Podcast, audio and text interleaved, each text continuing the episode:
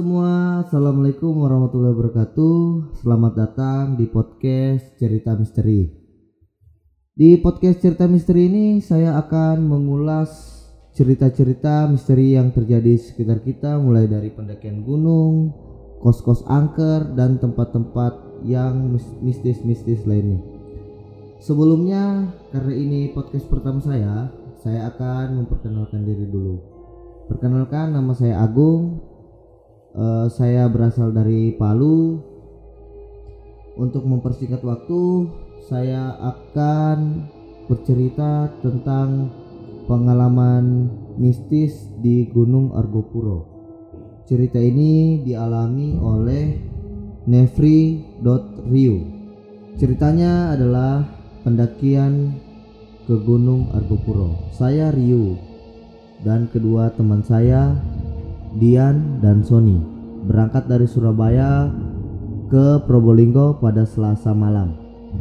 Sampai di pos Baderan sekitar pukul 7.00 waktu Indonesia Barat karena saya ada tugas kantor untuk mencari tahu tentang sejarah Gunung Argopuro dan Dewi Rengganis.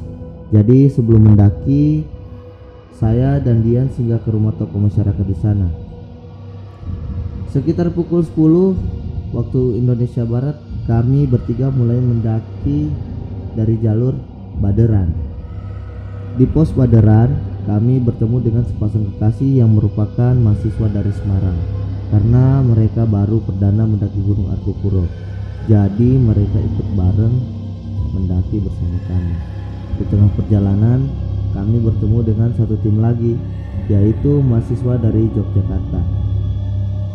Lima orang mahasiswa Yogyakarta ternyata baru juga mendaki Gunung Argopuro. Mereka nekat mendaki gunung tanpa ada satu orang pun yang pernah mendaki gunung ini sebelumnya. Akhirnya mereka juga ikut bergabung bersama kami dengan total 10 orang. Karena beberapa teman mengalami cedera dan kondisi, kondisi fisik yang kurang fit, akhirnya kami sampai di mata air satu sekitar pukul 18.00 atau jam 6 sore.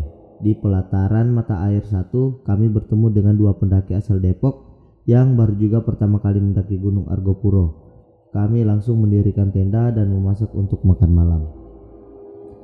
Di pelataran mata air satu, dengan empat tenda dari empat kelompok masing-masing, malam pertama di Gunung Argopuro sungguh membuat saya merasa kedinginan. Karena sepanjang perjalanan Hujan turun dengan derasnya dan karena bergegas ingin sampai. Saya tidak menggunakan raincoat. Malam itu tidak ada hal-hal aneh yang terjadi dan kami menikmati malam itu dengan makan dan tidur untuk memulihkan tenaga melanjutkan perjalanan di hari kedua.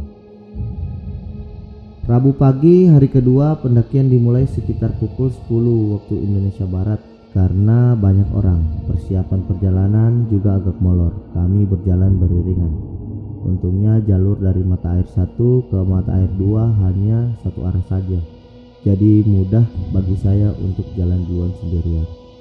Sekitar dua jam, akhirnya saya dan Sony sampai ke, di mata air dua. Namun lagi-lagi kami harus menunggu teman-teman lain di belakang. Satu persatu teman-teman akhirnya sampai hingga satu jam berlalu Semuanya sudah berkumpul di mata air dua. Kami akhirnya memutuskan untuk makan siang di mata air dua sambil mengisi bekal air minum. Sekitar pukul 13.00 kami kembali melanjutkan perjalanan. Beberapa kali kami di barisan depan harus menunggu semua teman-teman di belakang terlihat karena tidak ingin mereka tertinggal jauh. Hingga akhirnya kami sampai di pelataran Cikasur sekitar pukul 17.00. Selama perjalanan beberapa kali hujan turun. Kali ini saya tidak ingin kuyup, konyol, dan sigap untuk menggunakan raincoat. Tim kami memilih mendirikan tenda di bekas bangunan rumah yang beratap. Sedangkan tiga tim lainnya mendirikan tenda di tanah kosong tidak jauh dari tenda kami. Malam pun membawa aura dingin di Cikasur semua pendaki memilih beristirahat di dalam tenda masing-masing. Sekitar pukul 22.00, Andi, salah satu pendaki asal Jogja, mendengar ada langkah kaki mendekat ke tendanya. Mas Sony, Ucap Andi menegur orang di luar tenda, namun tidak ada sahutan siapa pun. Mas Dian, Andi kembali memanggil nama temanku, namun lagi-lagi tidak ada sahutan apa pun. Andi dan keempat temannya saling pandang, namun mereka tidak ingin berpikir macam-macam. Mereka kembali melanjutkan obrolan hingga rasa ngantuk menggelayuti mata mereka dan segera memilih tidur. Keesokan paginya, Andi datang ke tenda kami dan langsung menanyakan siapa yang semalam di luar tenda dan menuju ke tenda mereka. Loh kami semua di tenda aja kok semalam Gak ada yang keluar tenda ujar Dian Oh kirain Mas Sony atau Mas Dian yang ke tenda kami. Waktu saya panggil gak ada balasan. Suara langkah kaki juga gak terdengar lagi. Kalau teman-teman dekat tenda pasti saya tahu.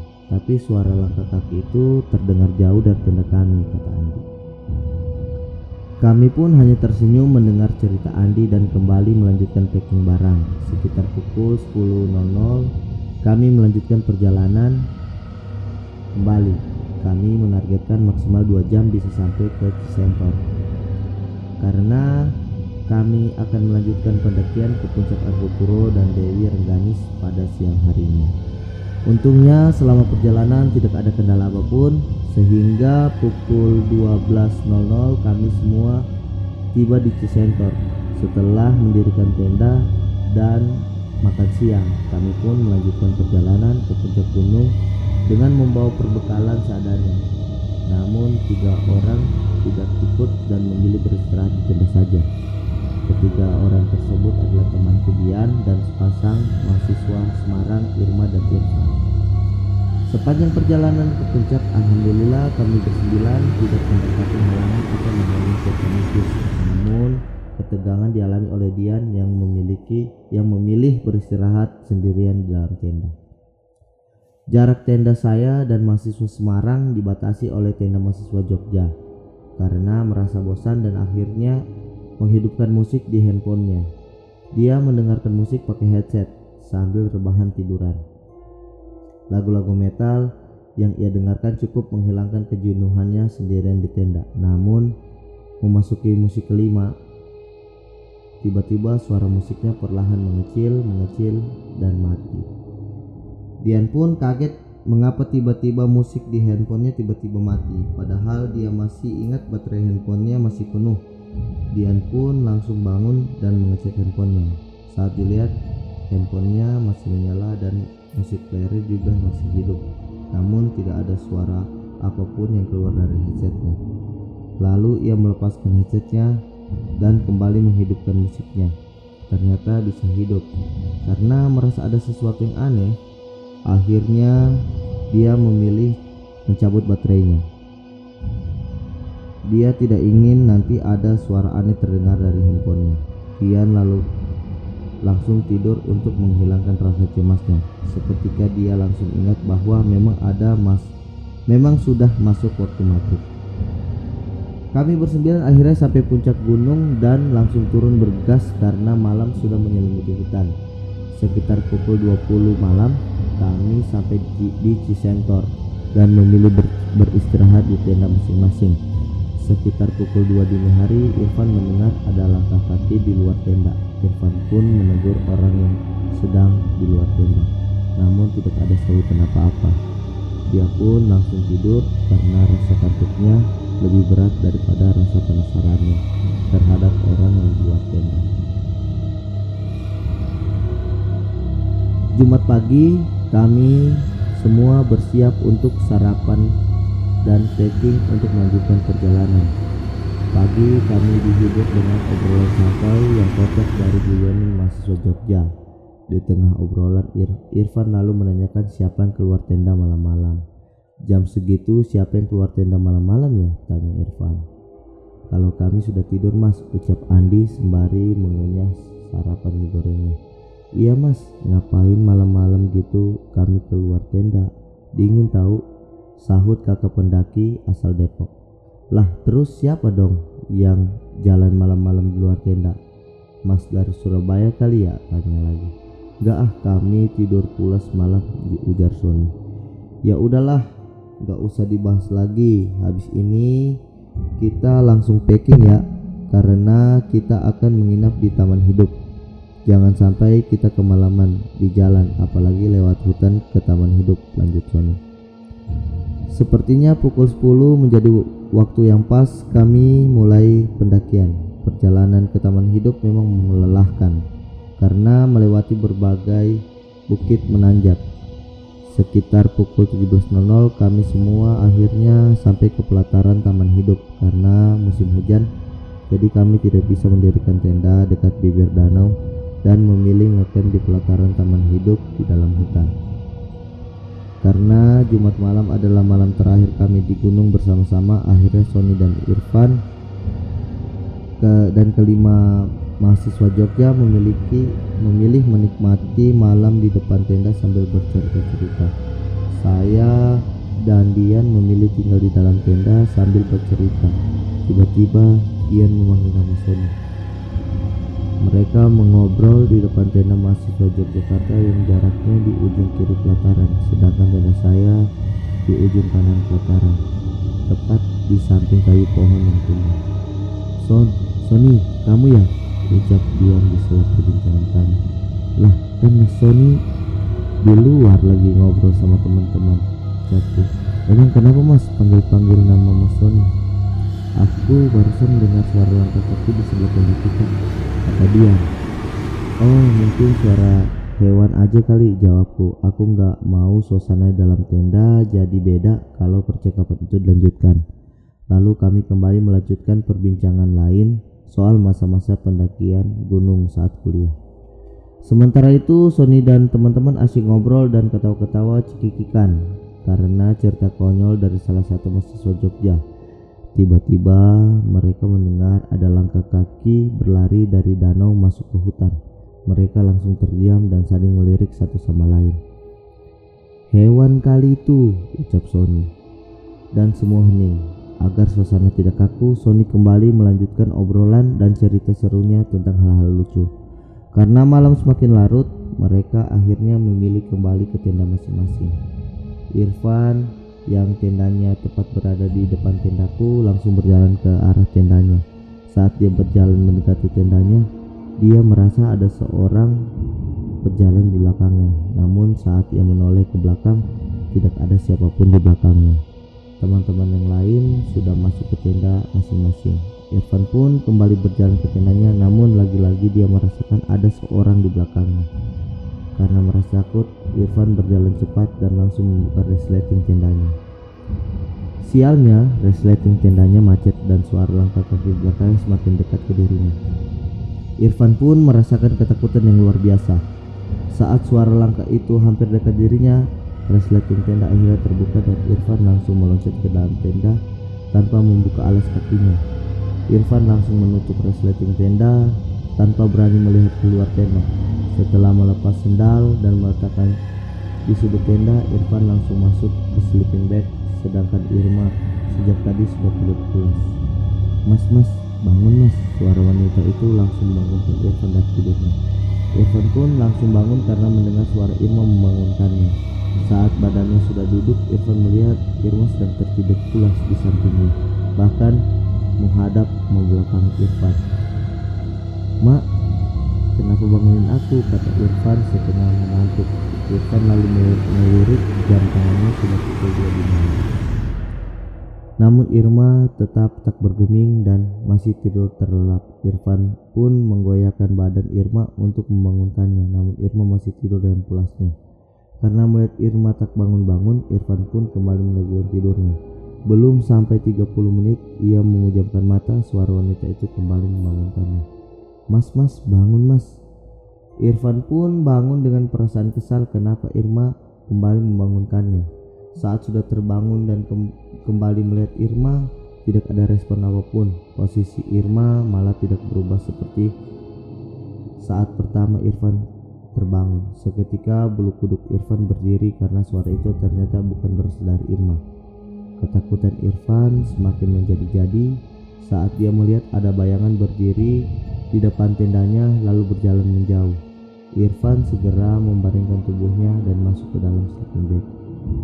Di belakang tendanya, dia mendengar ada banyak langkah kaki terdengar jelas dan riuh. Irfan pun ketakutan di dalam sleeping bagnya. Dia berusaha memejamkan matanya agar bisa tertidur. Namun, suara berisik dari belakang masih saja terdengar. Tak lama kemudian, suara berisik tersebut hilang. Irfan pun lega dan kembali tertidur pulas. Belum lama ia tertidur, suara wanita itu kembali terdengar dan membangunkannya. Irfan kembali merasakan ketakutan. Kali ini ketakutannya luar biasa karena suara itu jelas sekali terdengar dari sampingnya. Irfan membaca seluruh ayat-ayat pendek yang ia ingat berulang kali sampai akhirnya ia bisa tertidur. Sabtu pagi kami semua harus memulai aktivitas di luar tenda. Namun hanya Irfan yang belum menampakkan hidungnya. Irma Irfan masih tidur ya tanyaku. Iya dia tidur pulas banget dan kebangunan tapi saja malam. Ngorok tuh dia jawabnya. Tak lama kemudian Irfan keluar tenda dengan mata yang masih terlihat sembab. Ia lalu mengambil makanan yang sudah disediakan. Satu jam kemudian kami segera bersiap untuk berangkat. Sekitar tiga jam perjalanan kami sampai ke pos Bremi.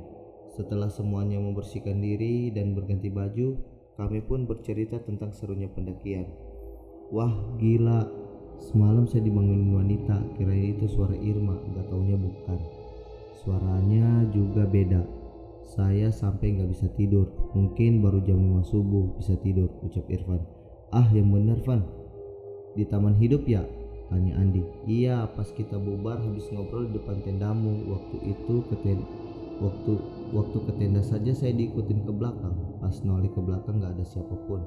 Apasnya lagi horror gitu, resleting tenda macet lagi. Mana ditambah malah mana tambah cemas saya. Irfan lanjut. Mendengar itu semua langsung tertawa. Saat menaiki mobil Cataran menuju ke kota Situbondo, saya dan Dian memilih duduk di kursi depan, tepat di samping sopir taksi. Nama Pak sopirnya adalah Pak Alim. Kami berdua bercerita tentang kisah mistis saat pendakian. Pak Alim langsung senyum-senyum mendengar cerita kami. Menurutnya, apa yang kami alami selama pendakian belum ada apa-apanya dibandingkan cerita pendaki sebelumnya.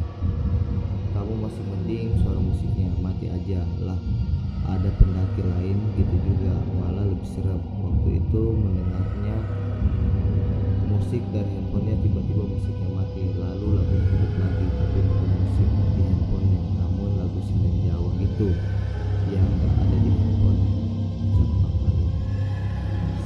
juga pendaki itu mendengarkan musik di Cisenter waktu maghrib.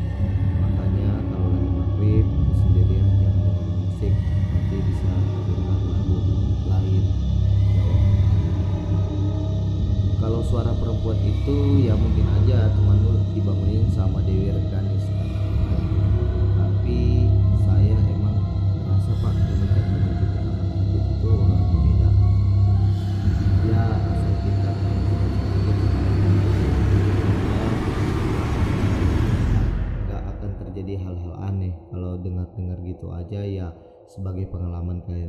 asal bisa pulang dengan selamat. Lanjutnya. Pak Alim pun menceritakan legenda Dewi Rengganis yang tak banyak diketahui oleh orang banyak. Kisah Dewi Rengganis ternyata dimulai di masa kerajaan Majapahit, tepatnya di daerah Mojokerto yang seluruh warganya masih menurut ajaran Buddha. Saat Dewi Rengganis lahir, orang tuanya merasa malu dengan kondisi cacat fisik anaknya yang mempunyai dua kelamin. Karena takut membawa aib bagi keluarga, Dewi Rengganis balita akhirnya dibawa oleh pengasuhnya dan diasingkan ke Gunung Argopuro. Di tengah perjalanan, pengasuhnya bertemu dengan Kiai Pandita yang merupakan petapa di Gunung Argopuro. Saat itu Kiai Pandita tidak mengetahui kalau Dewi Rengganis berasal dari kerajaan Majapahit dan akan diasingkan. Kiai Pandita mengira Dewi Rengganis merupakan anu- anugerah anak untuknya yang berasal dari langit atau yang disebut Sang Hyang Widi. Karena Kiai Pandita tidak memiliki anak, akhirnya Dewi Rengganis dirawat oleh Kiai. Setelah sudah mendapatkan anak, keluarga Kiai Pandita lalu menyusul ke atas gunung dan hidup di atas gunung. Sebelumnya istri keluarga Pandita masih tinggal di bawah gunung. Hanya Kiai Pandita yang bertapa sendirian di Goa Argopuro ujarnya. Melihat ada adanya kelainan fisik pada kelamin Dewi Rengganis, akhirnya Kiai Pandita memotong anus Dewi Rengganis menggunakan rumput ilalang. Saat Dewi Rengganis saat, saat Dewi Rengganis setelah anusnya dipotong, Dewi Rengganis tampak sempurna menjadi seorang perempuan dan keluarga Kiai Pandita sangat menyayangi Dewi Rengganis layaknya seperti anak sendiri. Ciri-ciri Dewi Rengganis sendiri yaitu berwajah cantik, berwajah panjang, Keluarga Kiai Pandita akhirnya membuat kerajaan kecil di atas Gunung Argopuro yang dinamakan Kerajaan Rengganis. Hidup mereka pun sangat bahagia. Terlihat saat beranjak dewasa, Dewi Rengganis menjelma menjadi wanita yang cantik, jelita. Bahkan kecantikannya tersebut tersebar sampai kerajaan Majapahit dan kerajaan lainnya. Di suatu waktu, datanglah 40 orang pangeran dari berbagai kerajaan ke kerajaan Kiai Pandita mereka bermaksud ingin meminang sang dewi untuk menjadi istrinya. Puluhan pangeran tersebut juga membawa upeti emas yang sangat banyak agar bisa memikat hati Dewi Rengganis. Tapi saat itu Dewi Rengganis maupun keluarga Kiai Pandita tidak berada di tempat mereka hilang entah. Akhirnya terjadi keributan. Puluhan pangeran tersebut saling baku hantam hingga banyak yang meninggal. Upeti emasnya juga berserakan ke mana-mana. Karena itu di puncak Dewi Rengganis masih banyak tersimpan upeti emas yang terkubur. Konon katanya yang menemukan dan membawa pulang upeti tersebut akan tertimpa masalah yang besar dan hidupnya tidak akan bahagia. Karena terjadi keributan besar, semua petilasan dan kerajaan Dewi Rengganis akhirnya hancur porak-poranda hingga saat ini tidak ada sejarah mencatat ke mana hilangnya Dewi Rengganis dan keluarganya warga meyakini bahwa Dewi Rengganis sudah menjadi pengikutnya Nyi Kidul. Kendati keberadaan Dewi Rengganis seperti hilang di telan bumi, namun banyak masyarakat yang percaya bahwa De Sang Dewi masih berada di kerajaannya. Bahkan setiap tahun di malam suatu suro, banyak para warga yang naik atas puncak Dewi Rengganis untuk mengadakan ritual sesembahan.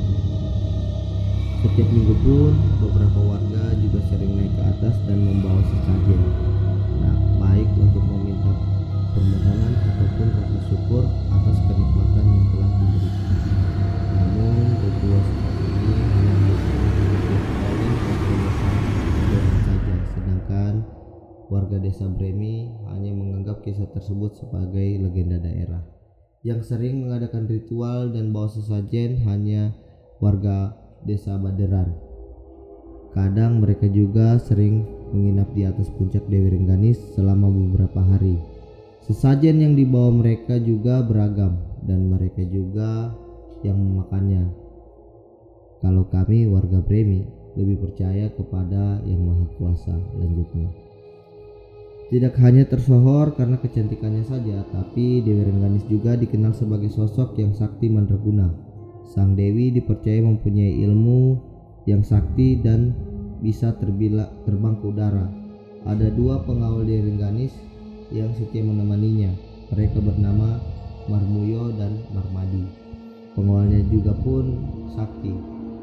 Salah satunya Marmuyo yang bisa mengeluarkan angin badai dari dalam sakunya. Sedangkan Marmadi mempunyai cambuk yang sakti. Kisah Dewi Rengganis memang tertulis secara lengkap di buku Rengganis bertuliskan tulisan Jawa Kawi.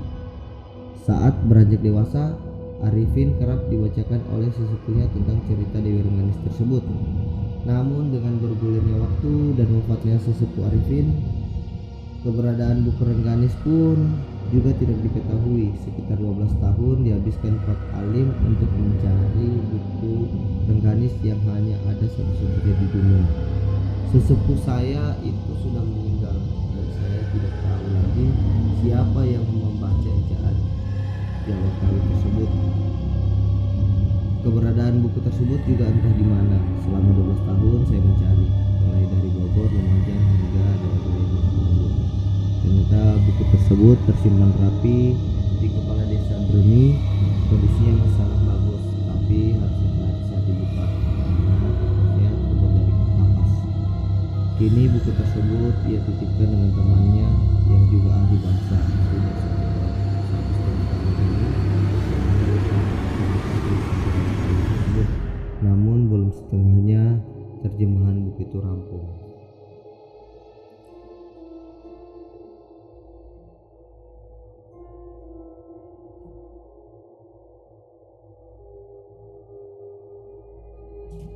Oke teman-teman, itulah sebuah kisah horor pendakian ke Gunung Agopuro yang eh, mungkin ada hikmah atau ada pesan yang kita bisa dapat dari cerita ini yaitu ketika maghrib janganlah memakai headset.